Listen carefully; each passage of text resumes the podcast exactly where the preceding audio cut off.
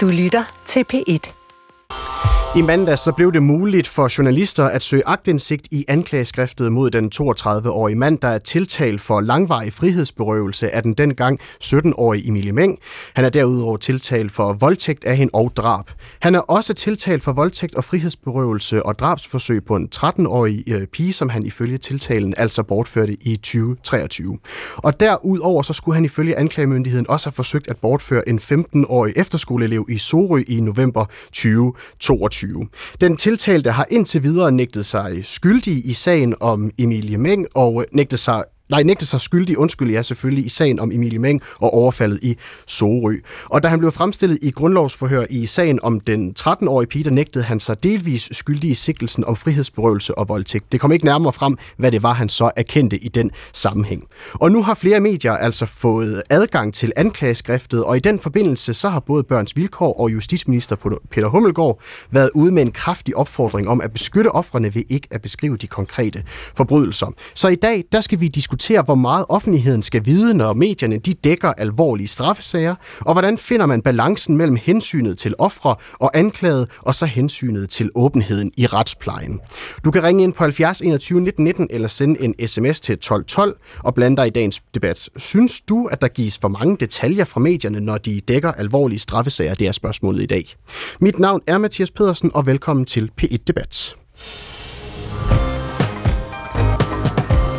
Og jeg skal for god ordens skyld sige, at vi i dagens udsendelse altså ikke kommer til at vurdere detaljegraden i forskellige mediers øh, beskrivelser af det nu fritgivet anklageskrift. Men vi skal derimod diskutere balancen mellem netop hensynet til ofre, pårørende og anklaget, og så hensynet til den grundlovssikrede åbenhed i retsplejen. Så vi prøver altså at tage en mere principiel øh, diskussion i dagens øh, udgave af P1-debat. Og først og fremmest, så vil jeg gerne byde velkommen til dig, Rasmus Kjeldag. Velkommen til. Tak. Du er direktør i øh, Børns Vilkår, og I har været ude med en opfordring øh, til den danske presse om at ikke beskrive de konkrete forbrydelser. Hvorfor kom I med den opfordring? Jamen altså, øh, historikken er jo, at øh, da sagen øh, rullede øh, første gang, øh, umiddelbart efter bortførelsen, og hvor man pågreb øh, gerningsmanden, jamen så var øh, den lokale retskreds... Jeg skal jo så sige, sige i forhold til gerningsmanden, altså han er jo tiltalt på nuværende tidspunkt. Han er jo ikke blevet dømt for noget på nuværende tidspunkt. I forhold til øh, øh, ja, den, som nu er øh, øh, anklaget. Øh, Jamen så, øh, jamen så rullede medierne jo der, og, øh, og det lokale politi øh, stillede sig op og, og, og begyndte at fortælle, hvorfor har de varetægtsfængslet den her mand. Og allerede der øh, kommer politiet jo med nogle detaljer øh, om, øh, hvad den her 13-årige pige, som, som nok var den, der havde størst opmærksomhed øh, lige dengang, øh, havde været udsat for, og, og, og som jo var landskendt øh, på grund af den efterlysning, der havde været i forbindelse med hendes øh, bortførsel. Øhm, og der er det jo, at vi øh, har jo rigtig meget erfaring med øh, ofre i virkeligheden i børns vilkår, ofre for omsorgsvigt, mishandling, øh, alle mulige ting. Og man kan sige, når man er udsat altså det, der sker imellem et offer og en gerningsmand, er jo faktisk øh, ret privat. Og øh, samtidig øh, er det jo så øh, i, i den her type ting øh, noget, som rigtig mange mennesker kan gå hen og få indblik i, hvis øh, myndighederne eller øh, pressen videregiver de her oplysninger. Det vil sige, så, så, så, så ved vi bare fra, fra, fra vores erfaringer, og det tror jeg også en hver psykolog vil sige, at der er en stor risiko for, at offret dels kan blive øh, yderligere traumatiseret ved at blive konfronteret med detaljerne. Det bliver man jo allerede retssagen. Det kan man jo så selv vælge, om man vil deltage i. Mm. Men, men, men ellers, at man kan blive traumatiseret ved at møde det her, ved at møde spørgsmål, øh, alle mulige andre ting. Og med dagens internet, som jo bevarer alle disse detaljer øh, til evig tid, jamen så er det jo noget, der kan trække langt mm. ud i fremtiden, og i virkeligheden betyde, at vi begår et nyt overgreb og, på offeret. Og nu har du en konkret opfordring til medierne. Hvad er det lige sådan helt, øh, den, den opfordring, den går på? Jamen altså, den kan vel siges helt simpelt, som jo mindre, jo bedre. Altså jo færre detaljer, øh, jo, jo, jo færre oplysninger om, hvad der er blevet brugt, hvad der er foregået, hvor mange gange og alle de her ting, jo færre oplysninger der er, jo bedre øh, beskytter vi, vi offret. Og, øh, og, og det er jeg ret overbevist om, at øh, sådan som jeg forstår offrets bistandsadvokat også er holdningen øh, på, på den side, og det vil også være, man måtte forvente. Og i forhold til det her med at beskytte offeret, så har vi jo de presseetiske regler. Der står jo sådan helt øh, konkret, at offer for forbrydelser eller ulykker skal vises det størst mulige hensyn. Det samme gælder vidner og pårørende til de implicerede. Og ved indsamling og formidling af billeder og kommentarer, så skal der vises hensynsfuldhed og takt. Så medierne, de har jo sådan set allerede, hvad skal man sige, et form for regelsæt, de kan operere ud fra. Ja, det er der, men øh, det er jo øh, et regelsæt, som medierne så skal fortolke. Og øh, der er jo øh, andre hensyn, medierne skal tage. Der er blandt andet øh, retssikkerheden og sådan noget. Det er der andre eksperter her i debatten øh, på. Øh, men der er jo også noget, der hedder, skal man sige, sælge aviser, øh, clickbait, øh, skaffe opmærksomhed omkring sig selv. Og, og det her med at være det medie, som kommer med de fleste detaljer, jamen det kan i hvert fald tiltrække en særlig øh, læsergruppe, som er, er interesseret i, i det. Og det var sådan set og, derfor, og vi mener, med... mener du, det er en interesse, som medierne de har? Øh, ja, Øh, det har de. Øh, det handler om mediernes økonomi. Selvfølgelig har de det. Og, øh, og, og jeg må sige, altså Men medier er jo et meget bredt begreb. Jamen bare det her, jeg, skal lige, jeg skal lige forstå, Rasmus Kjell. Tror du, at medierne i den her konkrete sag har en interesse i at komme med så mange detaljer som overhovedet muligt for at være dem, som øh, borgerne i samfundet øh, klikker på for at komme ind og læse om den her sag?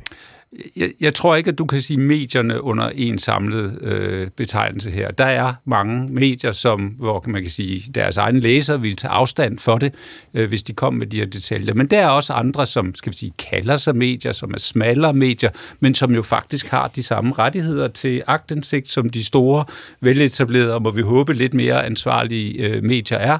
Og øh, der er sådan set ikke bare, ikke længere end et lille tryk på en knap og en copy-paste, øh, jamen så er det her bragt ud i, øh, mm. i, i, i offentligheden. Og det må vi jo sige, når vi ser i den verden, vi er, så ser vi rigtig mange eksempler på det, og det vil sige, så har vi pludselig, kan man sige, leveret nogle oplysninger, som fordi vi ikke formår at stoppe den her informationsspredning, kommer til at skade offeret. Mette Pedersen, velkommen til. Tak. Du er redaktionschef for øh, Kriminalredaktionen på Ekstrabladet. Øh, nu har medierne jo så fået øh, adgang til det her øh, anklageskrift. Mm. Og det vi hører opfordringen her er fra øh, børns øh, vilkår af, det er altså jo færre detaljer, desto bedre. Er du enig med ham i det? Altså, jeg er enig så langt, at øh, i og med, at vi har at gøre med en meget ung pige, som skal leve videre, og som er identificeret øh, i forbindelse med efterlysning i medierne, så skal hun jo udvises øh, alt mulig hensyn. Og det er min klare opfattelse af, i denne sag, at, øh, at det har medierne også gjort. Øhm, og øh, der har også en forsvarsadvokat, øh, nej, bistandsadvokat, der har været ude og opfordre til det. Øh, og det er klart, at... Øh, at øh, det er jo også ligesom en husker, så vi er ekstra skarpe på det i de her sager, men de her vurderinger omkring, hvad vi bringer detaljer, det er jo vurderinger, vi har ved alle sager. Øh, det er jo desværre hverken første gang og eller sidste gang, at, at nogen bliver overfaldet, voldtaget og bliver udsat øh, for frygtelige forbrydelser. Så, så den her vurdering, den har vi jo hele tiden, mm. altid. Så på den måde er der ikke noget øh, nyt i den her sag. Men den har selvfølgelig den ekstra, helt særlige omstændighed, at den her pige blev identificeret for offentligheden, fordi hun var væk. Mm. Så, øh, så øh, hvis jeg bare lige vender mig mod dig igen, Rasmus Kjeldahl, altså når medierne de så får det her anklageskrift her, øh, hvad, hvad, hvilke oplysninger mener du så, man bør bringe? Altså er det udelukkende de paragrafer, som den tiltalte så er sigtet for? Altså, hvis man skulle tage offrets perspektiv her, det er jo det, vi gør, fordi vi er børns vilkår, og det er et barn, der taler om. Hvis vi skulle tage offrets perspektiv her, så vil jeg sige, så skulle der formentlig blot øh, blive videreformidlet, at hun havde været udsat for en forbrydelse. Øh, fordi det er jo derfor, der skal være en sag. Øhm, og, og mere mener jeg sådan set ikke, at offeret har et ønske om, at man går ned af, af den sti. Øh, og det vil sige, når man så vælger at bringe mere, jamen så skal der være nogle ret tungtvejende øh, mm. grunde til det, øh, fordi man allerede her begynder at begå en form for ekstra Så, så i princippet så mener du ikke, at man bør bringe mere end, end, end den sætning, som du faktisk lige fik nævnt der? Altså lige i den her meget specielle type sager, hvor offeret er så kendt, øh, som det er, så kan man måske øh, være mere, øh, kan vi sige, gå lidt længere ned i, i andre sager, hvor offret er ukendt, øh, eller kun kendt i en meget øh, snæver kreds. Men, men, men, men, men det her ved vi bare fra, fra, fra de sager, vi har, som, som ligner det, som, som måske ligger nogle år tilbage, at det gør det utroligt svært for offret at, at, at komme videre, øh, jo mere der er ude i medierne. Og jeg skal ikke stå her og sige, at det er lige præcis den og den og den oplysning, som gør forskellen. Det er også derfor, jeg bare siger, jo mindre, jo bedre. Mm. Mette Pedersen, øh, hvad ville konsekvensen være for jer, hvis det var det eneste, I skulle skrive fra et anklageskrift? Jamen, konsekvensen vil jo være, at vi ikke kunne dække sagen. Som medier og som presse, så er vi jo offentlighedens øjne i en retssal og i dem, der får indblik i anklageskrifterne. Vi har jo en pligt til at stå i midten og dække en sag fra alle sider. Det vil sige, hvis vi ikke kan øh, beskrive forløbet, øh, som politiet udlægger det, så kan vi heller ikke beskrive forløbet, som den tiltalte beskriver det, og han nægter sig skyldig. Han har også ret til at få sin version ud. Mm. Øh, så det vil jo øh, forhindre os i at, at skabe en balanceret dækning. Øh, og jeg er da, altså, jeg tror ikke, der er nogen, der ikke... Man kan overhovedet ikke sætte sig ind i, hvordan den pige har det. Altså slet ikke. Det, så mm. det vil jeg slet ikke begynde på. Men der, og det er også derfor, hvert et ord bliver, bliver varet på en guldvægt øh, på formentlig alle kriminalredaktioner øh, i Danmark. Øh, men, men vi har også en pligt til, at vi ikke sat i verden for at øh, dække over sager og dække over ting, der sker. Vi skal afdække, hvad der sker, og vi skal gøre det på en balanceret og, og fornuftig måde. Og hvorfor er det så vigtigt? Jamen, både i forhold til, at, øh, at, at vi har vi skal, må jo ikke tage part. Altså, han skal jo også have lov til at komme med sin forklaring, når og hvis han vil det. Øh, og, og vi er også nødt til at sikre, at offentligheden, når der på et tidspunkt falder dom, så skal de kunne sige, okay, det var derfor, han fik x antal år, eller det var derfor, han fik frikendt, eller øh, derfor, han blev frikendt.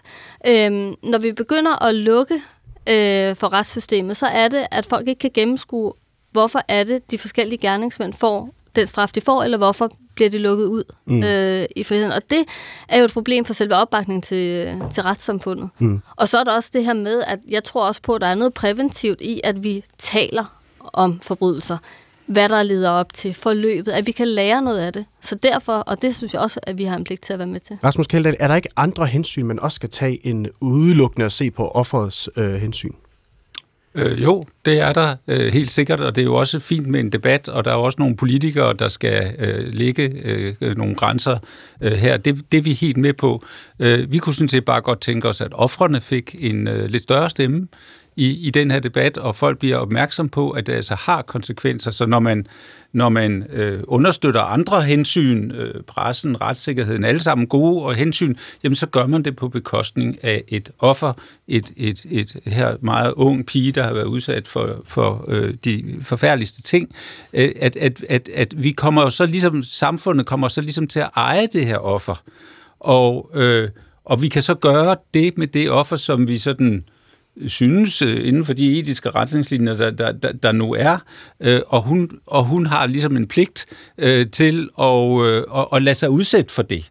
Og, og det, det er der, hvor vi godt lige vil sige, lad os lige sige i nogle ganske specielle sager, hvor offeret er så kendt, og det var derfor, vi sagde noget i den her sag, og ikke har sagt noget så mange andre sager, men fordi sagen er så speciel her, så tror jeg nok, at retssystemet vil kunne holde mm. til og vores tro til retssystemet vil måske endda blive større af, at det system, vi har omkring os, formår at beskytte offeret, når omstændighederne er så specielle, som de er her. Men nu hører du også en redaktionschef fra en øh, kriminalredaktion på Ekstrabladet sige, jamen øh, de er sådan set helt opmærksom på, at den her sag har en særlig karakter, og derfor så kommer man også til, jeg tror du brugte øh, øh, ordlyden, at man kommer til at veje hver et ord på en en guldvægt. Er det ikke det, der er hele ideen med, øh, med, med, med de presseetiske regler osv., at når sagen har en eller anden form for, for, for alvor, så er det der, at man skal gøre sig nogle ekstra tanker om, hvad det er for nogle ord, man bruger, og hvad det er for nogle detaljer, man bringer i sin avis? Jo, og jeg er ikke i tvivl om, at man på Ekstrabladet rigtig mange andre medier vejer øh, sine ord med, med en guldvægt.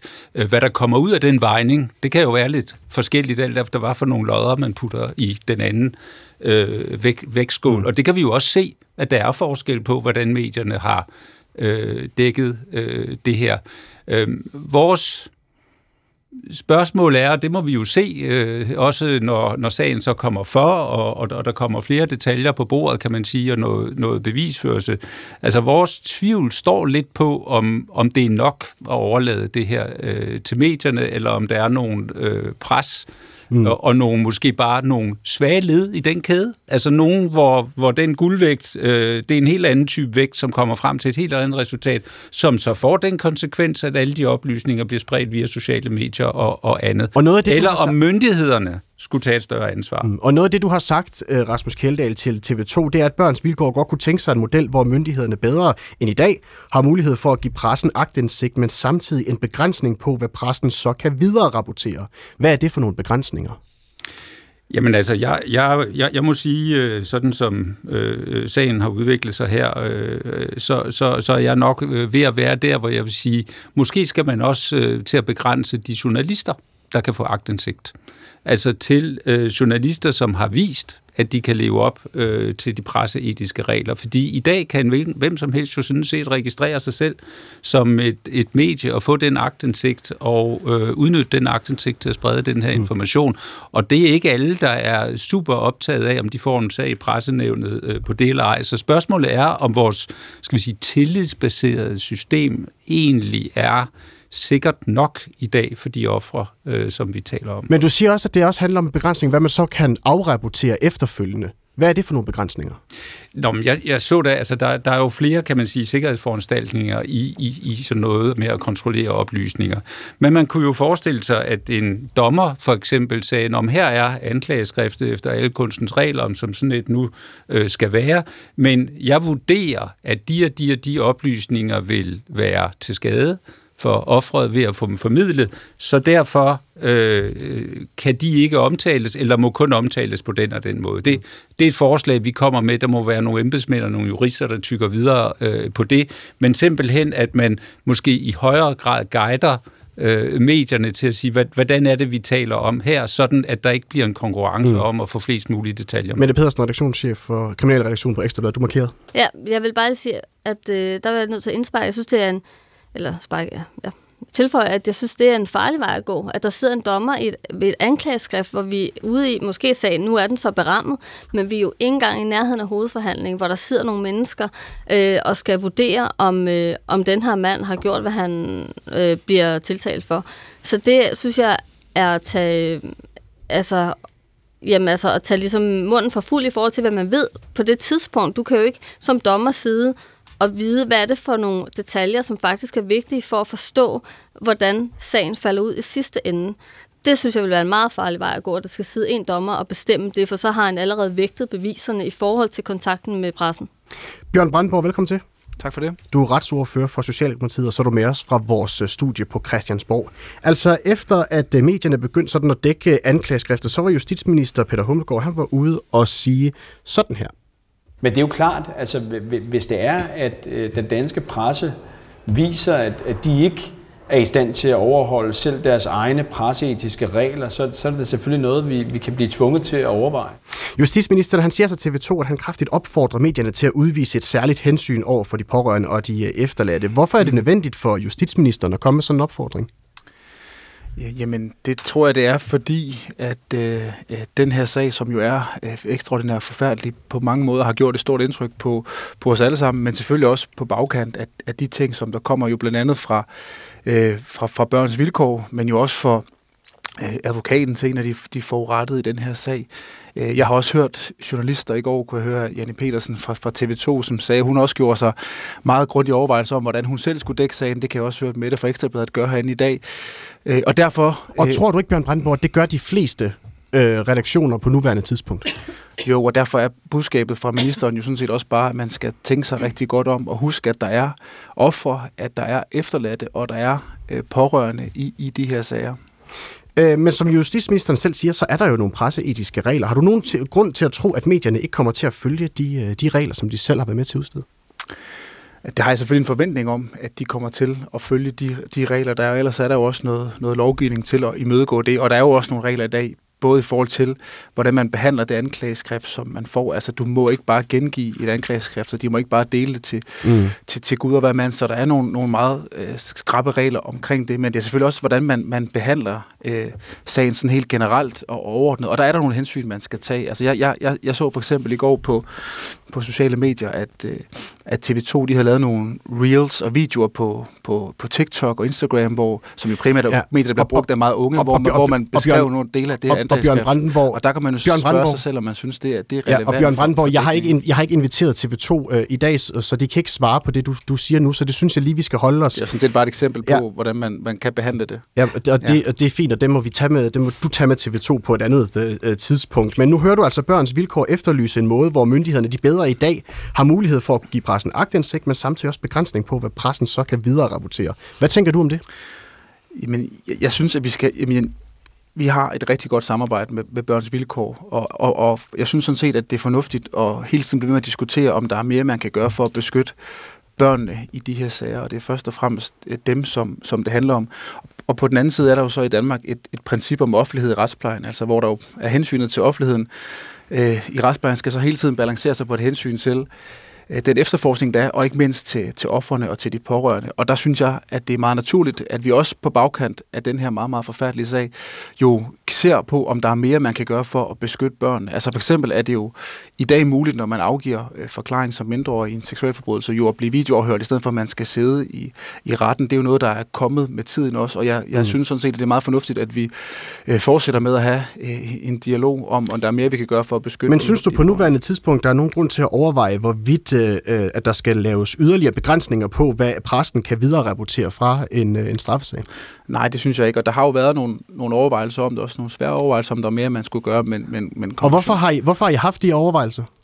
Jamen det er jo fordi, som jeg selv sagde, så, så, så den måde, vi har vores tilgang i Danmark, og vores princip, som jo grundlæggende er godt om offentlighed og retsplejen, giver jo også vores medier et meget, meget stort ansvar til at kunne forvalte det på, på en ordentlig måde.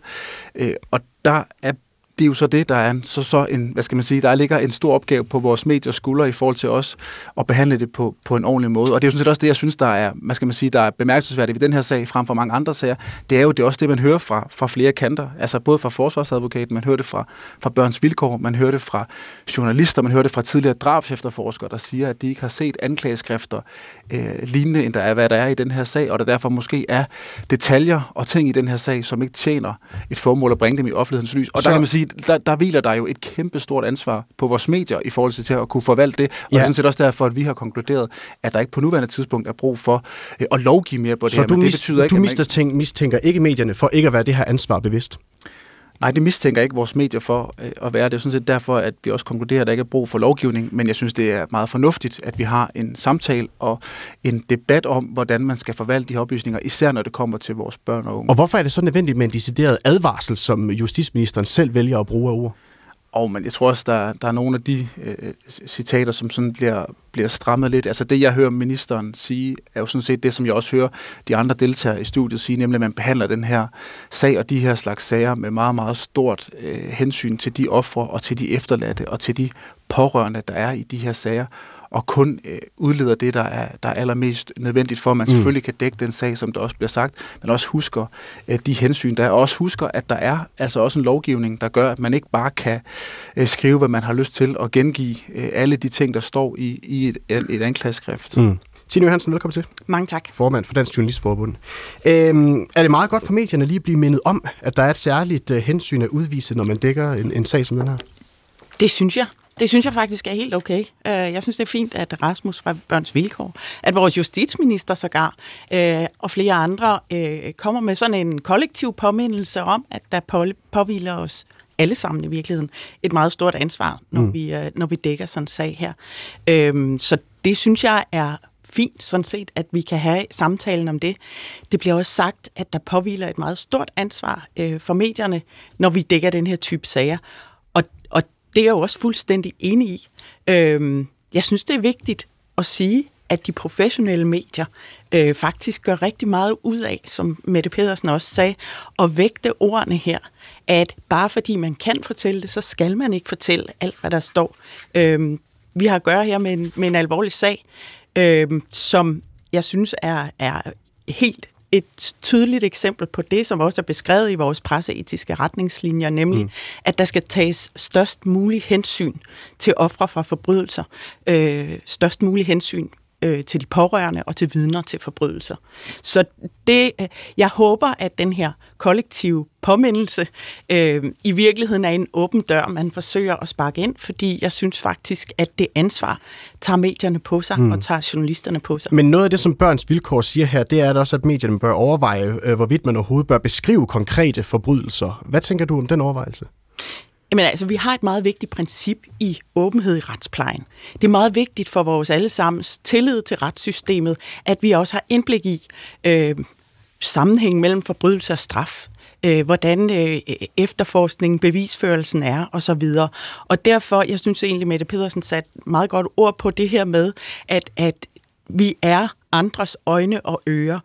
Øh, og jeg synes også, at vi som journalister har en meget vigtig opgave, måske en af de vigtigste opgaver, vi har, det er også at sortere i informationsstrømmene øh, for øh, læserne, lytterne, seerne. Mm. Men hvorfor er det, vi ikke bare kan nøjes med at vide, at øh, øh, den tiltalte, han er tiltalt efter de her forskellige paragrafer? Hvorfor skal vi vide det konkrete øh, forløb, som anklagemyndigheden altså udlægger i et anklageskrift? Jeg synes heller ikke, at, øh, at detaljegraden faktisk har været særlig stor de seneste dage. Men, men det er klart, at man bliver nødt til at beskrive øh, alvoren og grovheden i de her forbrydelser. Fordi på et eller andet tidspunkt, så, så vil sagen komme for en dommer, og, de, og den vil blive, blive kørt for, øh, altså i en åben retssal. Øh, og der er det jo vigtigt, at man, man hører øh, både den tiltalte og, og vidner osv. Og, og øh, af den grund bliver man jo nødt til herop til at beskrive sagens alvor øh, og grovhed. Rasmus Kjeldahl for Børns Vilkår. Hvad tænker du om de overvejelser, som der kommer fra, fra Dansk Journalistforbund? Ja Jamen altså, jeg, øh, jeg er jo også tilhænger af, at vi har øh, et, øh, et retssamfund, og, og vi har en vis øh, åbenhed. Øh, jeg tænker, der er rigtig mange andre, andre retssager, hvor man øh, uden at skade offrene unødigt kan, øh, kan, kan komme med den her form for detaljer. Her har vi en særlig situation, så vi forhåbentlig ikke kommer til at opleve mm. øh, specielt tit, men hvor, øh, hvor, hvor der bliver begået, altså det vil sige, der bliver begået skade øh, på offret, hver gang der kommer en ny detalje frem. Og den stemme vil vi i hvert fald gerne være i den her mm. debat. Øh, husk lige på det. Men selvom øh, at sagen har en særlig karakter, så er retstilstanden vel den samme. Man skal vel stadigvæk dække både den ene og den anden side og sørge for, at alle kommer til ord. Det er der vel ikke nogen forskel i? Ja, men jeg vil sige, at vi har jo i vores lovgivning jo nogle generelle øh, gode, fornuftige beskyttelsesfaktorer, som for eksempel navneforbud, lukkede døre og andre ting, øh, som kan bringes i anvendelse. Øhm, og, og, og det løser mange af de problemer, øh, som vi står her og diskuterer i, i rigtig mange sager. Mm. Problemet her er, at fordi der var den store eftersøgning, fordi offret er så kendt, så er de her regler faktisk virkningsløse.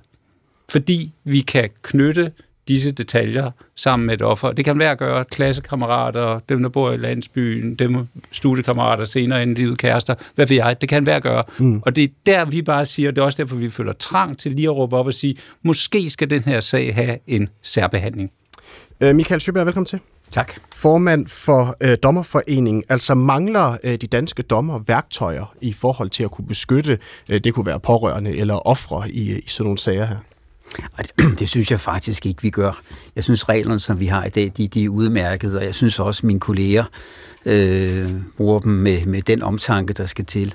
Og jeg kunne godt tænke mig her i debatten at, at, at gå lidt frem i tiden til den dag, hovedforhandlingen starter. Altså når vi skal sidde i retten i Næstved, hvor der sidder et nævningeting, tre dommer og seks nævninge, og så er der alle de andre medvirkende, vi skal se på den her sag. Der vil anklageren jo starte med at læse det her lange anklageskrift op. Det vil sige, på det tidspunkt bliver det jo offentligt, altså hver en detalje. Så er der det, kan man sige, så, og så den næste, der så afgiver forklaringen, anklageren har foretaget det, han lige vil dokumentere, eller hun vil dokumentere, så er det jo den tiltalte, og der ved vi jo, den tiltalte nægter så skyldig, det vil sige, det, det kan blive, en, det kan blive en, en, en afhøring, hvor man vil forhold og forhold og forhold. Men det jeg så tænker på, når vi så kommer frem til den forurettede, altså til, til, til, til, til pigen her i det her tilfælde, så vil hun jo, så vil hendes forklaring, der har vi allerede en regelsæt, fordi den forklaring, hun afgiver, hvis hun ikke ønsker, at den skal foregå i fuld offentlighed, og det gør hun naturligvis ikke, det vil hendes advokat også henstille til. Så den videoafhøring, som vil typisk være hende, er hende, fordi hun er jo mindreårig. Hun har afgivet forklaring til politiet meget grundigt. En meget lang afhøring formentlig, hvor man spørger til alle mulige detaljer. Den vil blive afspillet for lukkede døre. Der vil præsten ikke være til stede. Det er kun retten, der vil være til stede. Og det vil sige, det, når vi nu taler om det traumatiske, det har jeg fuld forståelse for. Jeg ser det jo dagligt i retten, hvordan øh, offrene har svært ved igen at skulle genkalde sig, hvad der skete i den der situation. Det har jo forvejen været dybt traumatisk for hende at skulle sidde hos politiet og blive afhørt og afhørt. Og nu er hun så blevet afhørt til brug for sagen. Nu er det jo ikke de her delafhøringer. Nu er det afhøringen til brug for hovedforhandlingen, hvor man kan sige, det jeg taler også med psykologer undervejs, altså vi gør jo alt det forkerte, kan man sige, i citationstegn, fordi vi riber op i det for at få den øh, bedst mulige behandling af sagen. Og øh, ja, og, og, der, og derfra til, at det så for eksempel skal ud i, øh, i, i pressen, en ting er, hvad der foregår i, ja. i en retssag. Hvorfor er det vigtigt, at... at, at... Jeg, synes, jeg synes, hvis jeg også skal starte et andet sted, jeg, det, det er ikke hver dag, jeg erklærer mig enig med, med, med Ekstrabladet, men jeg synes faktisk, at øh, jeg synes Ekstrabladet og andre medier, at de, skal vi sige, mere officielle medier, de dækker det her øh, pænt øh, og ordentligt. Der, hvor jeg frygter, det er selvfølgelig, hvis nogen lægger mere ud på nettet, end godt er. Og der er så øh, folk, der klikker på det, og klikker videre og videre, og deler det ud. Det, det, der, det, det er jeg bange for. Men hvis jeg lige skal samle op med Rasmus Keldals forslag, så vil jeg sige, at jeg vil meget nødig sidde som dommer og, og, og lave en forhåndscensur på, hvad der kan komme ud og ikke kan komme ud. Hvorfor ikke? Jamen for det første også, som der blev sagt øh, fra, fra pressens side, jeg ved jo ikke, hvad der er relevant og ikke relevant, og hvor meget der skal til. Man kan jo nogle gange godt diskutere, om det er nødvendigt med den her detaljeringsgrad i det anklageskrift, fordi man kan sige, jo mere detaljeret et anklageskrift bliver, desto sværere kan det blive for anklagemyndigheden, der skulle bevise skylden.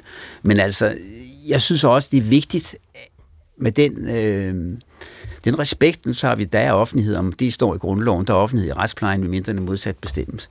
Og jeg synes, vi har allerede her i foråret haft meget en diskussion om offentlighed i retsplejen, om vi kunne have ikke offentlige retssager og sådan noget. Og jeg er glad for, at vi har offentlighed i retsplejen. Jeg tror, det er med til at styrke tilliden til, til vores retssystem. Og som der blev sagt, det er, at hvis der bare står, at man, er ude, man, man har lavet en grim forbrydelse, og den så vi teoretisk, da pludselig øh, den pågældende får livstid, så vil folk jo spørge, hvor er koblingen mellem de to ting?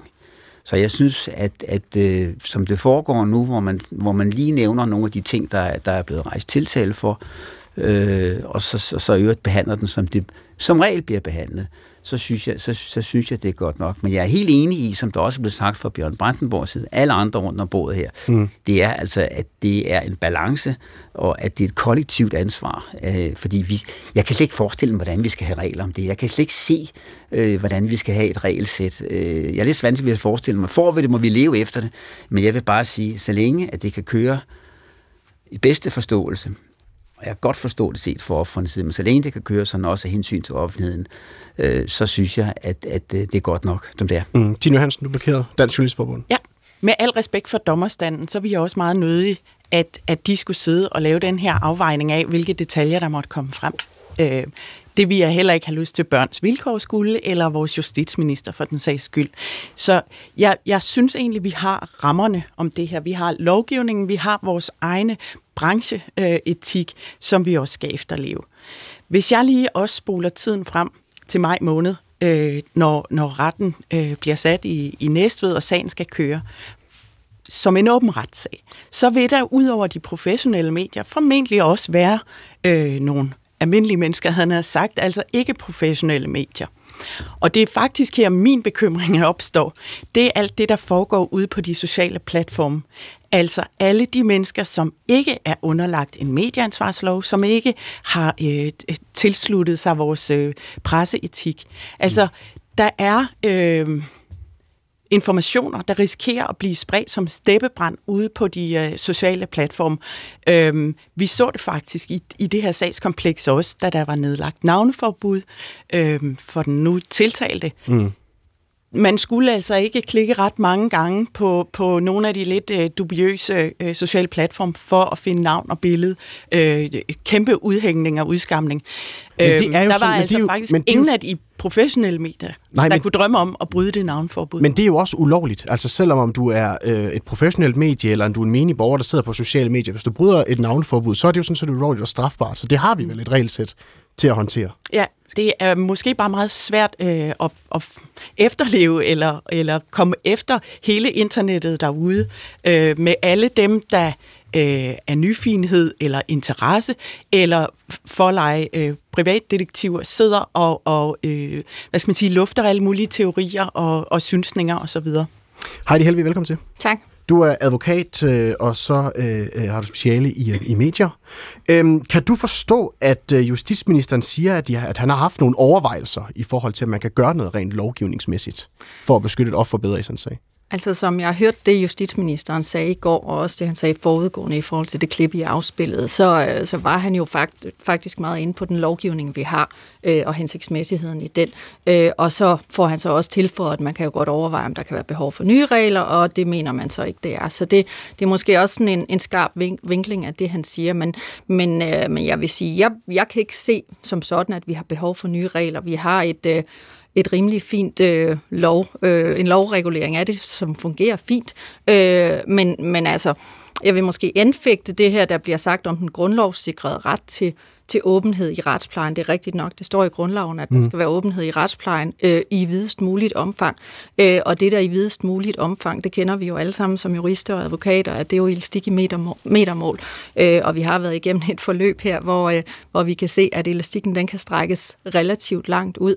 Øh, jeg tror sådan set ikke, der vil være noget til hinder for grundlovsmæssigt at, at ændre på de regler. Øhm, det, som siger, står, øh, grunden til, at vi har reglen, det er måske vigtigt lige at få med. Ja. Altså, den blev indfor, indført med, med grundloven for øh, snart 200 år siden. Øh, så gamle er vi blevet.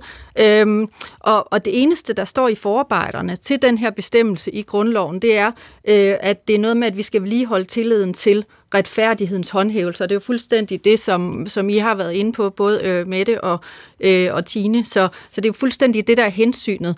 Øh, og, og hvis jeg sådan skal spole et skridt tilbage til en, en sag med det meget voldsomme drab af Kim Wahl, ubådssagen. Øh, der fik vi rigtig mange detaljer. Øh, måske også flere, end jeg brød mig om. Nu det er jo ikke min synsning, der er relevant her. Jeg kan putte noget jura på, hvis, hvis mm. det skulle være relevant. Men øh, da øh, ham, som var anklaget i den sag, så fik den dom, som han fik øh, med forvaring, så er det jo vigtigt, at man så som borger forstår, okay, det fik han, fordi det var så voldsomt, det var foregået. Fordi ellers så kender vi jo ikke til, at man egentlig får forvaringsdom for mm. bare et drab. Der skal ret meget til. Nu siger jeg bare, det lyder også lidt forkert, men der skal ret meget til. Så derfor er det jo vigtigt, at vi forstår, hvad der er foregået. Men, men jeg vil samtidig så sige, at øh, jeg er meget enig med Rasmus Keldahl i, at der er et hensyn i forhold til, at det er et barn. Der er et hensyn til, at det er et navngivet barn. Øh, både øh, hende, der er blevet dræbt, og, og hende, som ikke er blevet dræbt, og den tredje person, der er blevet overfaldet, kender vi heldigvis ikke identiteten på. Mm. Øhm, og, og der tror jeg godt, at man kunne efterspørge en lidt mindre detaljeringsgrad. Hvad mener du med efterspørge en mindre detaljeringsgrad? Altså, jeg kunne efterspørge det bare personligt, fordi jeg jo også har øh, børn derhjemme, som ikke nødvendigvis synes, at, at det er rart at skulle sådan, øh, ja, have de der detaljer, uanset hvad man går ind på af, af medier. Men derudover, så vil jeg faktisk også overveje, øh, om ikke der er nogen medier, som er gået for langt i de her sager. Og, og det, jeg egentlig mest af alt efterspørger i det hele taget inden for mediejorden, det er nogle flere domme. Altså simpelthen, at der er flere sager, der kommer til domstolen, der kommer igennem, så vi har noget mere praksis, vi kan hænge det op på. Det er jo det, vi elsker som advokater, at vi har et eller andet præcedens, som vi kan hænge det op på. Øh, jeg er med på, at anklagemyndigheden selvfølgelig ikke kan føre sager, uden at de har en, en dækning for, at øh, de er næsten sikre på, at, at der skal ske en domfældelse. Men jeg kunne faktisk godt efterspørge nogle flere sager på det.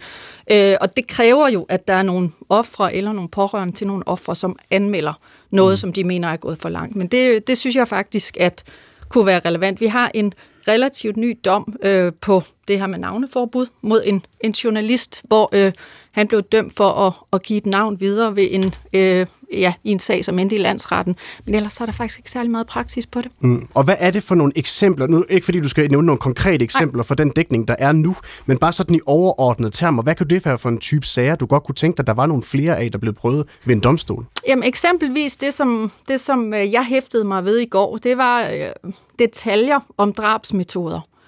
Øh, som jeg også, altså i forhold til ubådssagen og Kim Wahl, nogle gange tænkte, at det var godt nok en detaljeringsgrad, som, som jeg overvejede, om det var det, vores grundlovsfædre havde tænkt på, dengang de mm. lavede den her bestemmelse. Men du har jo også lige sagt vigtigheden i uh, at pointere, hvor, hvor voldsom og, og bestialsk en sag er, for, for, uh, eller, altså for at borgerne kan forstå, hvorfor strafudmåling så er, mm. som den er. Mm. Er det ikke der, de der to ting kan komme til at kambolere lidt med hinanden? Jo, og det er jo det, der er så fantastisk ved både jura og presseetik. Det hele er jo en afvejning. Altså, vi har en vægt på den ene side, et hensyn til nogle ofre, og så har vi en vægt på den anden side, et hensyn til en tillid til, til retsvæsenet. Og den afvejning er bare super svær at lave. Mm. Og, øh, og jeg synes, at øh, rigtig mange medier er dygtige til det, og så synes jeg nogle gange, at nogle medier går for langt. Og jeg kan jo godt komme med min juridiske vurdering, og det kan vi jo alle sammen gøre som advokater, men det er bare så meget nemmere for os, når vi har en eller anden dom, som vi kan henvise til, fordi så er det bare den, der gælder. Mm. Det, det er måske bare det, jeg tænker, at vi mangler, men det kræver, at der er nogen, der anmelder det. Så tror jeg ikke, jeg kan sige det mere tydeligt. Mette Pedersen, øh, redaktionschef på kriminalredaktionen på Ekstrabladet. Altså, når du sidder for eksempel med et anklageskrift og skal skrive om det i din avis, hvilke overvejelser er det så, du gør dig i forhold til hensynet til ofre og pårørende og så offentlighedens interesse? Jamen, det kommer jo fuldstændig an på, hvad for en sag det er. Altså, taler vi sædelighedsforbrydelser, taler vi drab, øh, bankrøveri. Altså, det er jo, at, øh, at vi øh, skal beskrive sagen, som, som den er. Altså, det er vores allervigtigste opgave. Vi skal fortælle læserne, det her, det handler den øh, her sag om. Mm. Øh, og det er derfor, han er øh, tiltalt, eller hun, de, mm-hmm. øh, øh, og det er, øh, og de nægter sig skyldig, eller erkender, eller øh, en del af det, og, og hvad er det så, øh, sagen går på. Øh, og, øh, og så muligvis også noget omkring, hvad strafferammen er øh, i de sager. Øh, og så er det selvfølgelig, at øh, når man så siger, vi har et, et mål om, at vi skal fortælle læserne, hvad den her sag handler om. Hvad er det så for nogle hensyn, vi skal tage? Mm. Og det kan jo være mange forskellige hensyn i forskellige sager, kan man sige. Og i sædelighedsforbrydelser er der bare et helt særligt hensyn til, til offeret, og, det, og de er jo også beskyttet øh, ved lov. Mm. Øhm, så, det, så ja, det, det er jo en vurdering. Altså det, vi tager jo forskellige hensyn. Det kan jo være små detaljer, hvor man tænker, øh, det kan være vigtigt, det kan ikke være vigtigt, altså, men hvor man sidder og læser det hele vejen igennem, og vi har de her diskussioner hver eneste gang, vi, øh, mm. vi sidder med de her sager. Ikke? Altså, øh. Og her der hører vi et eksempel, kunne være, at man godt kunne overveje, hvor meget man skal beskrive en drabsmetode, for eksempel. Mm. Når, når, når du sidder med sådan et konkret eksempel, hvor nogen er blevet, øh, blevet slået ihjel, hvornår gør man så de overvejelser i forhold til metoden? Hvornår er det relevant, og hvornår er det ikke relevant at få med? Der tror jeg sådan grundlæggende, min holdning er, at, at det er relevant at få at vide, hvordan et menneske er blevet slået ihjel. Også i forhold til, hvordan vi taler omkring. Og, øh, øh, nu har vi jo også øh, for eksempel... Øh, hvis folk bliver stukket ned øh, i nattelivet, for eksempel øh, knivdrab osv., der er også nogle principielle diskussioner omkring drabsmetoder, omkring øh, den præventive effekt, og jeg synes, at, øh, at øh, og nogle gange, der, har, der er også nogle omkring nogle drabsmetoder, som øh, går igen i forhold til et partnerdrab, hvor det er øh, effekt og, og så videre. Så, så det, det synes jeg er relevant mm. i en drabsag. Og øh, altså... Ja, Heidi Helvi. Jeg vil egentlig gerne spørge, hvordan I håndterer sådan en sag på ja, her Ekstrabladet. Jeg tænker, det er relativt ens på de forskellige medier, når, øh, når der så kommer sådan et anklageskrift her. Er det så dig, som, øh, som udstikker nogle retningslinjer for, hvilke ord bruger vi, hvilke ord bruger vi ikke, hvor langt går vi i detaljen, øh, og hvem sidder og skriver de her helt korte nyheder, der kommer til at starte med, og, og gennemgår du, eller hvem gennemgår så det hele, inden det ryger ind, øh, øh, eller ud på mediet. Øh, det er bare sådan en nysgerrighed. Jamen altså, proces. lige præcis den her sag, der øh, var det vores to allermest erfarne øh, retsbrugere, Mette Flækner og Linette Jespersen, som sad med det. Øh, Linette, hun har siddet og dækket både Kim Wahl og Mia Skadhavg Stævn. Det var dem, der modtager det. Vi åbner det. Jeg står og, og øh, faktisk og læser med, øh, imens de... Øh, øh, finder øh, den første ligesom, øh, vinkel i forhold til det første nye, vi har. Vi bringer, vi bringer det ud. Så, altså, vi, øh, den øh, breaker vi. Mm. Øhm, og der er, der er aftalen ligesom på forhånd super, super, super forsigtige. Mm. Altså, altså, altså super, super. Og så læser vi det igen og igen og igen. Okay, hvad er der mere, der er interessant? Hvad skal vi sortere fra? Altså, Altså ja. Mm. Mm. Øh, og, og så laver øh, Og hvor meget fylder tempo der, altså i forhold til det der med, at vi vil gerne være først, og ja. Jamen, det, det er klart, at vi får jo øh, anklageskriftet, og det tror jeg måske alle medier har fået. Ja, øh, så, så det er klart, at øh, vi har også øh, forberedt en artikel øh, med lidt baggrund om sagen, øh, og, og, og det, som aftalen er så, det er, at vi øh, går ind og, og finder øh, og læser det og ser, hvad er nyt. Øh, og det var faktisk, hvordan øh, Emilie Meng blev dræbt. Det var mm. den første historie, vi skrev. Og så skriver vi en kort historie ud, og så bliver der bygget videre på den. Og så mm. går vi ligesom mere i dybden, og de der sådan... Øh, vi ved jo, altså det vidste vi alle sammen, for det er jo sådan blevet, altså det er jo virkelig blevet diskuteret, at der vil være detaljer i det, øh, så det vidste vi jo på forhånd, det ved man jo ikke altid på forhånd, øh, men der var sådan ligesom en forståelse af, det, dem, dem lader vi lige være, til vi har mm. læst det igennem, og til vi har øh, snakket om det og kigget på det. Og så var det selvfølgelig afvejning af, øh, kan vi skrive det her? Nej, det kan vi ikke. Hvad er nødvendigt? Så videre. Ja. Og vi har fået en sms her på 1212. Der er en her, der skriver, med henhold til at fortælle detaljeret om forbrydelser, udover risikoen for at genere øh, ofre og andre berørte, er der vel også risiko for at inspirere særlige personer til at begå selv øh, lignende forbrydelser med venlig hilsen Vibeke. Tine Hansen, er det en overvejelse, man også skal gøre sig som, som journalist, at man måske kan inspirere andre? Det er der en lytter i hvert fald, der spørger om her. Mm, ja, altså det der copycat-fænomen, øh, det er ikke noget umiddelbart, jeg har tænkt sådan særlig meget ind i vores presseetiske regler. Det er noget, vi har talt meget om og diskuteret meget i forhold til øh, omtale af selvmord og selvmordsforsøg. Øh, der har været nogle overvejelser om, hvordan man gør det på en etisk forsvarlig måde, som gør, at man ikke inspirerer andre.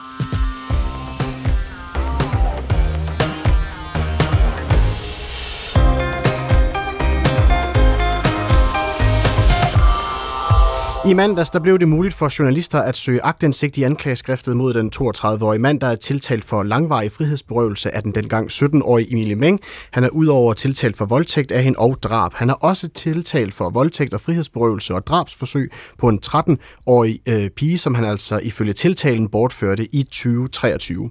Derudover så skulle han ifølge anklagemyndigheden også have forsøgt at bortføre en 15-årig efterskoleelev i Sorø i november 2022. Den tiltalte har indtil videre øh, nægtet sig skyld, øh, har nægtet sig skyldig i sagen om Emilie Meng og overfaldet i Solrø, og øh, da han blev fremstillet i grundlovsforhør i sagen om den 13-årige pige, der nægtede han sig altså delvis skyldig i sigtelsen om frihedsberøvelse og voldtægt, og det kom ikke nærmere frem, hvad det var, han så erkendte i den sammenhæng. Nu har flere medier så fået adgang til anklageskriftet, og i den forbindelse har både Børns Vilkår og justitsminister Peter Hummelgaard været ude med en kraftig opfordring om at beskytte offrene ved ikke at beskrive de konkrete forbrydelser. Så i dag der diskuterer vi altså, hvor meget offentligheden egentlig skal vide, når medierne de dækker alvorlige straffesager, og hvordan finder man balancen mellem hensynet til ofre og tiltalte, og så hensynet til åbenheden i retsplejen. Og du kan ringe ind på 70 21 19 19 eller sende en sms til 1212 og blande dig i dagens debat. Og synes du, vi får for mange detaljer fra medierne, når de dækker alvorlige straffesager? Det er spørgsmålet i dag. Mit navn er Mathias Pedersen, og velkommen tilbage til P1 Debat.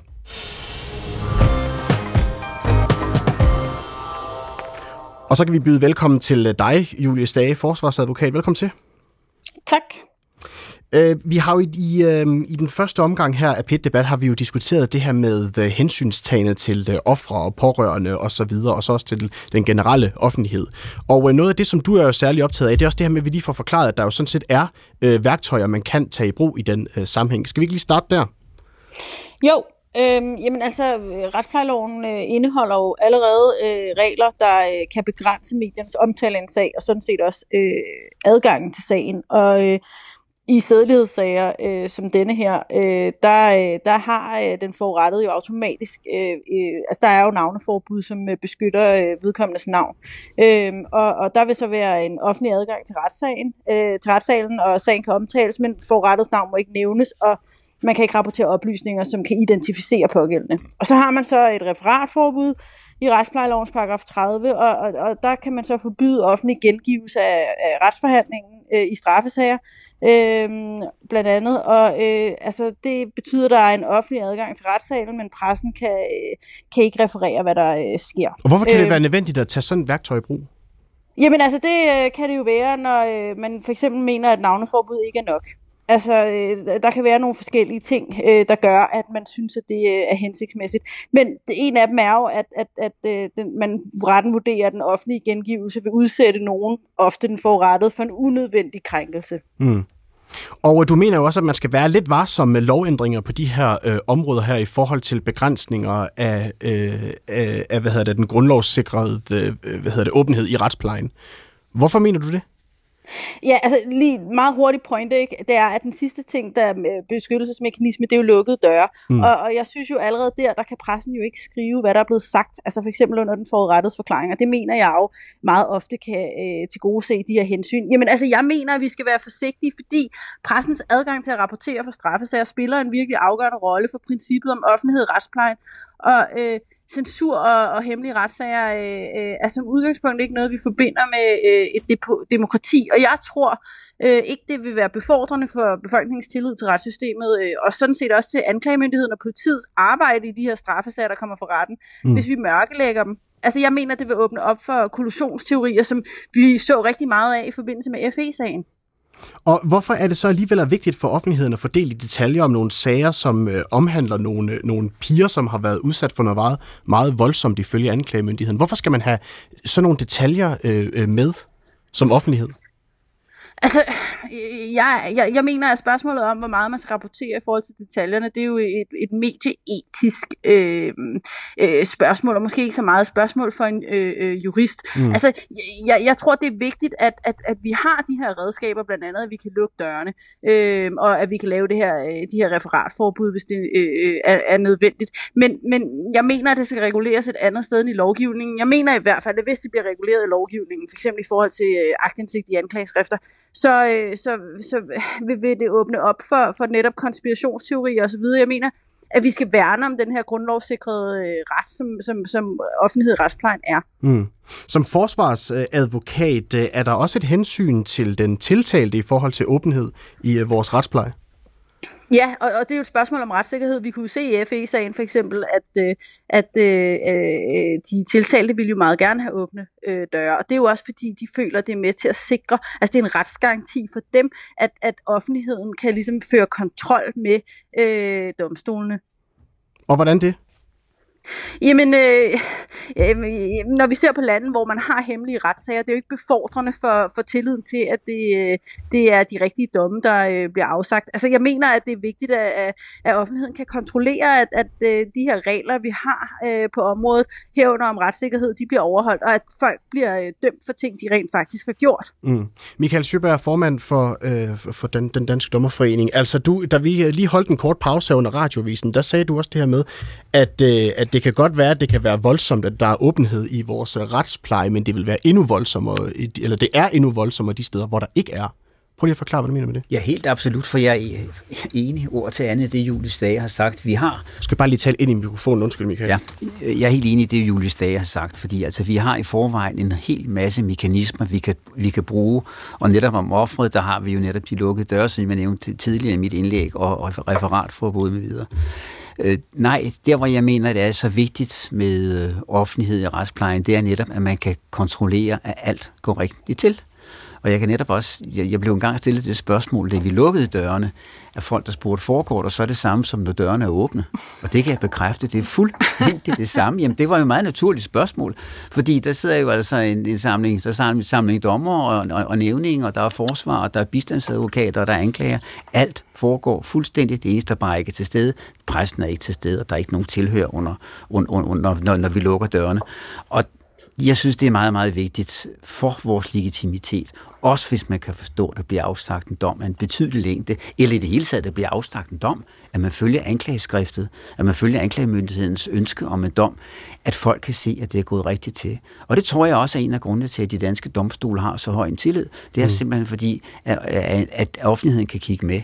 Og så er det netop at kigge med i, i, i et omfang, som, for, som vi alle sammen kan se os i, så vi ikke får gengivet alle de forfærdelige detaljer, som, som kommer frem, og nødvendigvis kommer frem. Ja, og når du siger det der med, som vi selv kan genkende os i, hvordan kan det være en Jamen, det er bare fordi, jeg, jeg, jeg, det er mere for, øh, i, i, i forrige time hørte vi, at, at, at der er, at man kunne gå ned og sige, jamen altså, der er, der er en person her, der er blevet tiltalt for en grim forbrydelse, eller en meget grov forbrydelse mod, mod, mod, mod, en, mod en pige. Jamen altså, den kan, der kan jeg ikke genkende forbrydelsen. Jeg må altså have nogle flere ting, og det er jeg enig i. Der er for eksempel, øh, der er også drabsmetoden, det er desværre altså også en, en, en, en væsentlig omstændighed. Øh, der er mange, der, der, men, der, når, ting, når, når, du så, skal frem. Når du så stiller det spørgsmål der, hvad er det så for en forfærdelig forbrydelse, den her pige så er blevet udsat for, så, øh, så kunne svaret være, jamen det er en, en voldtægt for eksempel. Jamen, hvorfor, hvorfor er der så jamen, behov for at vide så mere? Så kunne det jo lige så godt komme frem stille og roligt bare fra starten. Og det er det, vi, øh, jeg forstår, at, at, at øh, de almindelige medier, de ved godt, at, at der påviler dem et betydeligt ansvar her, også medieetisk, om at, at, at gøre det her rigtigt.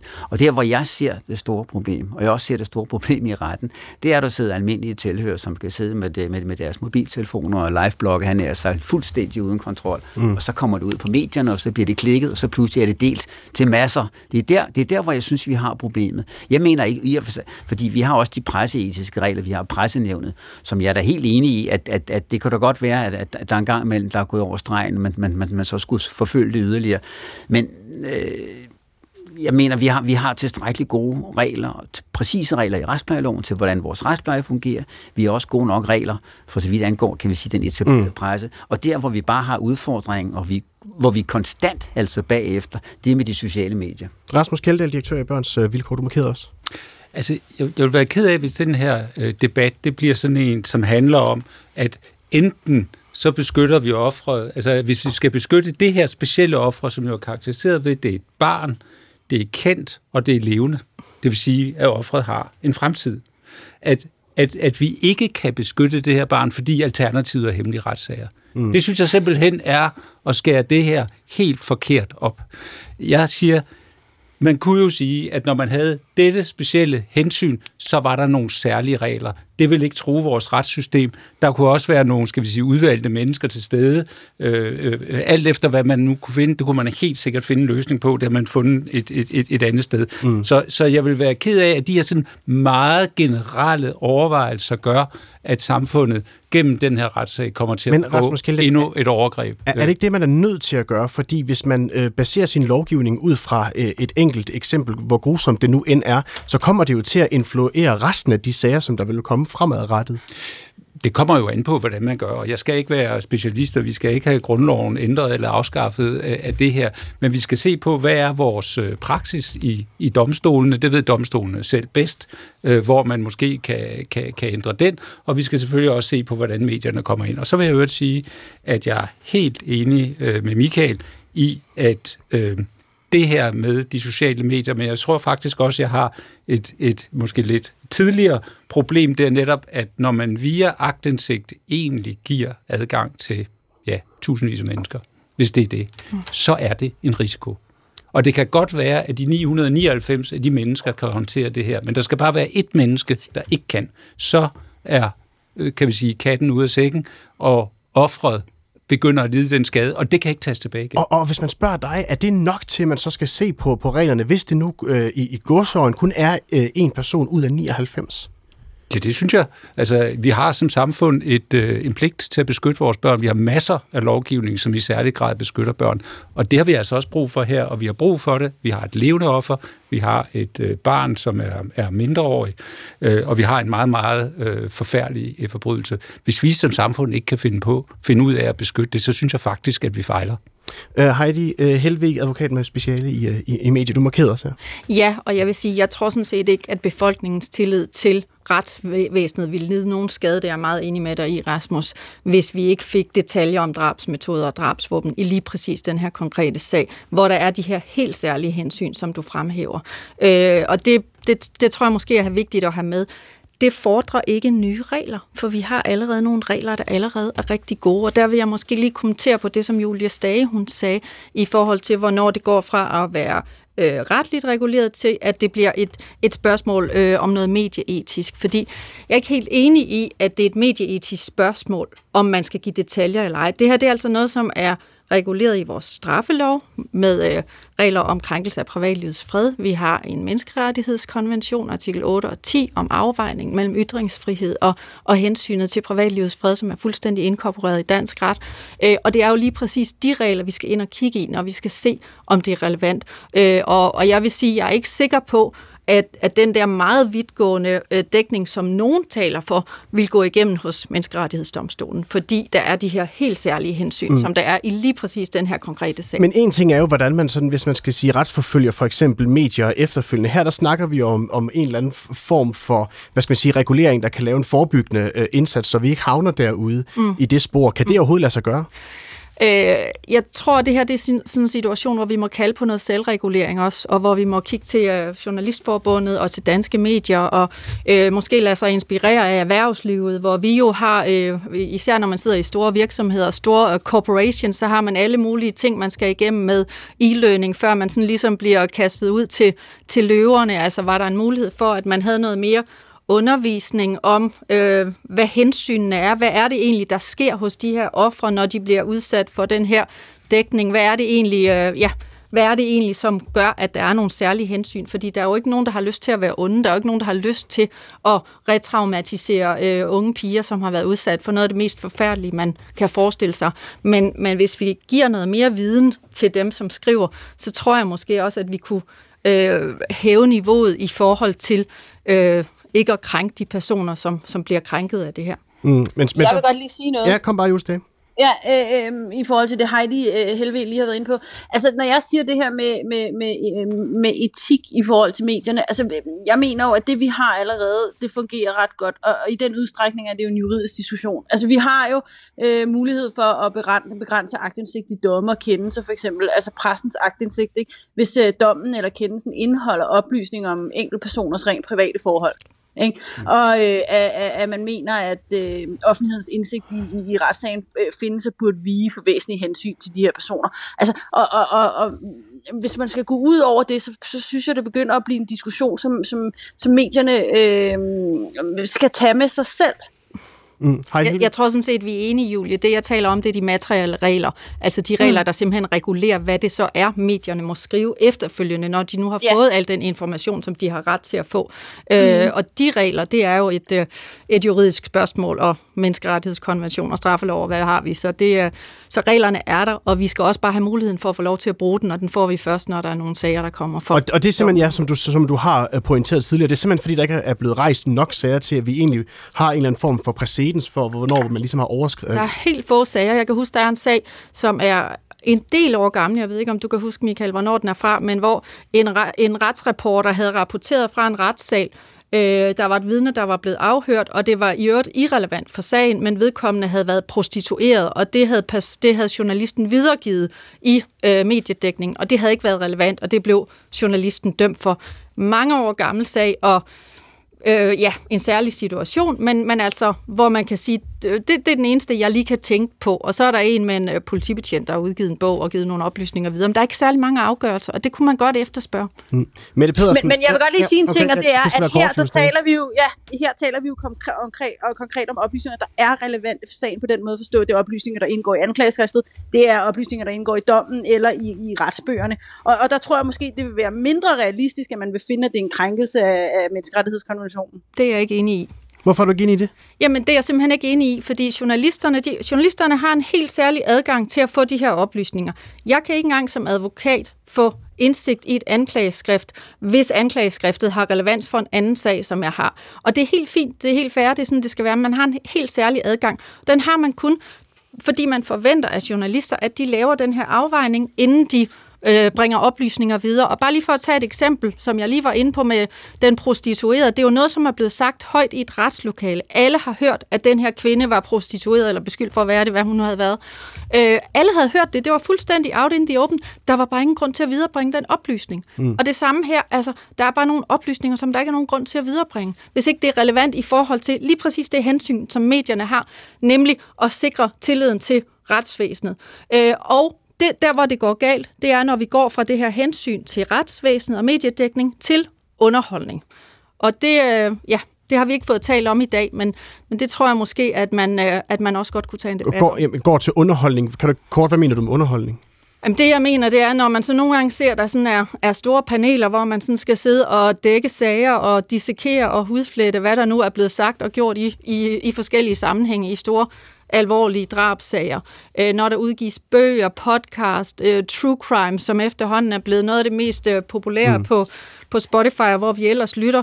Øh, der tænker jeg bare, at et, på et eller andet tidspunkt, der går vi fra, at det er en relevant mediedækning øh, med det her hensyn, som er i, i grundloven, til at det er bare underholdning Men, der, og kommercialisering. men er det store problem Men, her? men må, jeg, må jeg godt lige sige noget meget kort til det her, fordi der har retten jo allerede adgang til at gå ind og begrænse rets, altså aktindsigten i, i, i kendelser og domme.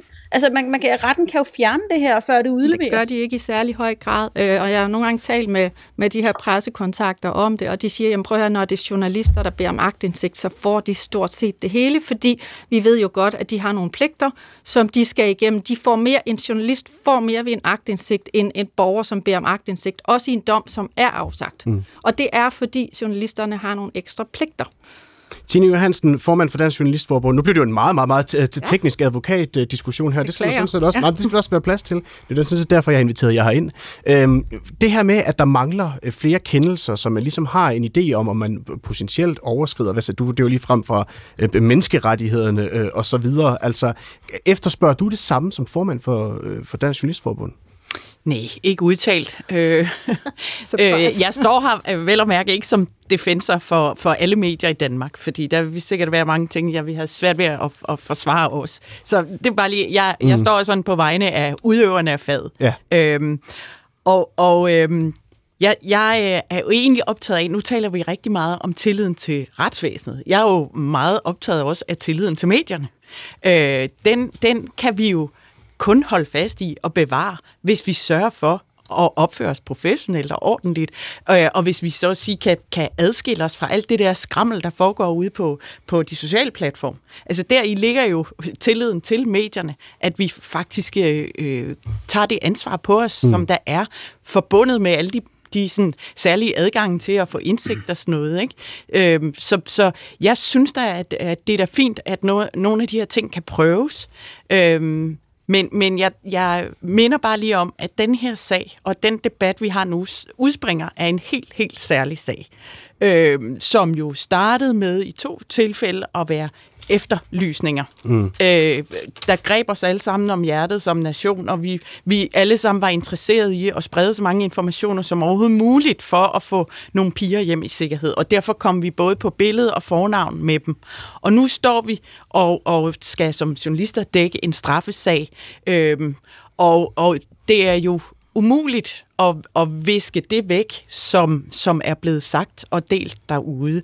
Øh, og det gør den her sag helt særlig. Mm. Og jeg synes bare, at det vil være meget bekymrende, hvis vi stod og, og, og, øh, og og hvad skal man sige, planlagde nye øh, tiltag, lovgivninger og stramninger og alt muligt baseret på den her sag. Men er det ikke det, man nogle gange gør, når der kommer et eller andet ind øh, for højre, som er helt ekstraordinært, at så begynder man at kigge ind, har vi nu det rigtige, den rigtige lovgivningsmæssige regelsæt her, i, i, i forhold til at tage hensyn til, det, til de hensyn, der nu måtte opstå, når der kommer en ny, en ny situation?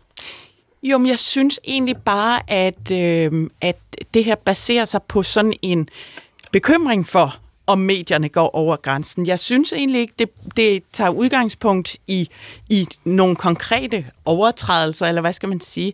Øhm, og jeg, jeg gentager lige, jeg synes, at det er vigtigt, at børns vilkår øh, rejser den her stemme og minder os om, at vi har et meget stort ansvar og et stort hensyn at tage til nogle meget sårbare mennesker.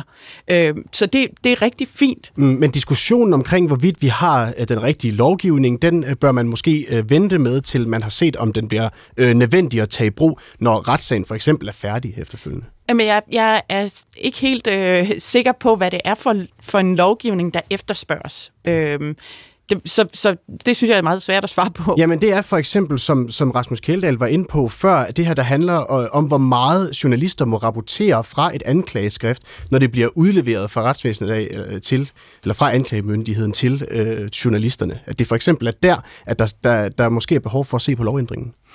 Ja, og så, så lad det øh, være op til for eksempel dommerstanden eller, eller andre myndigheder at vurdere, hvad, hvad, hvad pressen må bringe. Det, det vil jeg virkelig advare mod. Øh, også fordi, øh, det har vi egentlig heller ikke været omkring, men, men pressens opgave er jo faktisk også at være kritisk vagthund over for myndighederne. Så skulle myndighederne være dem, der sad og sorterede i de oplysninger, der måtte komme ud. Det kan jeg ikke se for mig. Og det er noget af det, Michael Schøberg, du har sagt formand for, for, den, for, for dommerstanden herhjemme. Altså, du er faktisk bekymret for, hvis det var dig, der skulle gå ind og tage de hensyn. Ja, altså jeg har sagt, at jeg, jeg, jeg ville ikke bryde mig om at skulle være øh, den for, forhåndscensurmyndighed, der skulle sige, hvad er relevant og ikke relevant her. Det må jeg indrømme. Altså, jeg vil også, øh, jeg vil også være ked af, hvis, hvis, hvis man på baggrund af en helt speciel konkret sag begyndt at lave nogle regler. Fordi øh, jeg har fuld forståelse for, at vi har talt om en mindreårig her, alt det traum- traumatiske der er. Men jeg kan også bare sige for dagligdagen i danske retssal, at de fleste forurettede, de har det faktisk rigtig skidt. Det gælder masser af voldtægtsoffer og andre, som heller ikke sikkert synes, det ville være rart, at de skulle bringes frem. Altså voksne personer. Vi er også hele persongruppen fra 16 år op efter, så er man jo heller ikke ældre. Så jeg synes, det er, det, er, det er farligt ud fra en konkret sag, og der er altså en, der er fuldstændig enig med, med med, med, med Tine Johansen i, at det, det må være, det må være en, en, en selvcensur, som vi virkelig må opfordre til her i den konkrete sag her. Mm. Øh, og, og, og tilbage, det er rigtigt, øh, vi ved da også godt, at, at øh, pressen, pressen sidder der også for at holde øje med, at vi gør det rigtigt. Øh, og det har jeg det helt fint med, helt fint med, at, at der netop er at, at, at den offentlighed. Rasmus Kjeldahl fra Børns øh, Vilkår, altså øh, skulle man i virkeligheden vente med at se på, hvordan øh, dækning den bliver den her sag efterfølgende, til vi først øh, så derefter begynder at tale om ændringer i lovgivningen? Jamen altså, sådan noget tager jo under alle omstændigheder utrolig lang tid. Øh, jeg er faktisk rigtig glad for, at vi har fået den debat til at rulle nu. Det tror jeg gør, at der vil være lidt skarpere lys Øh, på det, der kommer til at ske, øh, både lige nu, men også øh, under selve retssagen. Og jeg tror også, at det gør, at øh, nogle af dem, der måske skal tage lidt noter til, hvad kunne gøres bedre, øh, vil være mere øh, optaget af at få, øh, få, få det her skrevet ned. Øh, det her med enkeltsager, jamen det er jo enkeltsager, der gør os klogere på, om det regelværk, vi har. Øh, det er jo typisk indrettet til en verden, som den så ud for nogle år siden, 10-20 år siden, alt efter hvornår den her lovgivning er, er skrevet verden ændrer sig jo rigtig hurtigt, og derfor er enkeltsagerne jo også noget af det, som fortæller os, når vores lovgivning ikke længere er tilstrækkeligt. Mm. Og, og, og netop øh, hele det her med de sociale medier, øh, den måde, hvor politiet måske nu bliver mere interesseret fremover i de her offentlige eftersøgninger, fordi det jo gav et resultat, det gør måske også, at vi har lidt flere unge piger, øh, fremover, som vil stå i den situation. Så derfor synes jeg, det er utrolig relevant. Øh, og vores, vores ærne her er jo både at sætte det på den generelle dagsorden, men altså også her og nu beskytte øh, de ofre, øh, som er øh, involveret, og som skal have lov og, øh, og, og få et ordentligt ungdomsliv, når det her det er faldet til ro. Mette Pedersen, redaktionschef for øh, Kriminalredaktionen på Ekstrabladet. Den her debat her, har den rykket noget for dig i forhold til, at, hvordan I kommer til at dække sådan en sag her, når den, når den kommer så langt? Jamen altså, det skærper vores opmærksomhed. Det er jo fuldstændig rigtigt, når, når folk de begynder at, øh, at snakke om det på den måde, også når der kommer henstillinger fra de advokater, som er inde i sagerne, så er det klart, at det, at det påvirker os. Men øh, så på den måde, ja, så påvirker det os, men samtidig så må jeg også bare sige, at som du også siger, der, der er jo rigtig mange sager, og desværre er der rigtig mange ofre. Vi sidder i de her situationer meget tit, og laver de her vurderinger, laver de her øh, afvejninger omkring hensyn til offer, hensyn til offentlighed. Så, så det er ikke det er ikke en ny øvelse. Nu skal, vi skal ikke sætte os ned nu og, og, og have et møde om, hvordan gør vi så det her, fordi det er vi vant til. Mm. Og det er alle kriminaljournalister i Danmark vant til, og jeg synes faktisk, at niveauet for dansk kriminaljournalistik er rigtig højt generelt. Vi når ikke mere i dagens udsendelse, men I skal i hvert fald have tusind tak, fordi I lagde vejen forbi uh, alle sammen, der bidrog til debatten. Den her udsendelse den blev sat sammen med øh, samarbejde med Oline Kildegård og Hector Brun Højhus, og mit navn er Mathias Pedersen. Hvis du bliver hængende på kanalen, så får du øh, dagens udgave af Genstart, og ellers så er P1-debat tilbage igen i morgen til samme tid. Okay.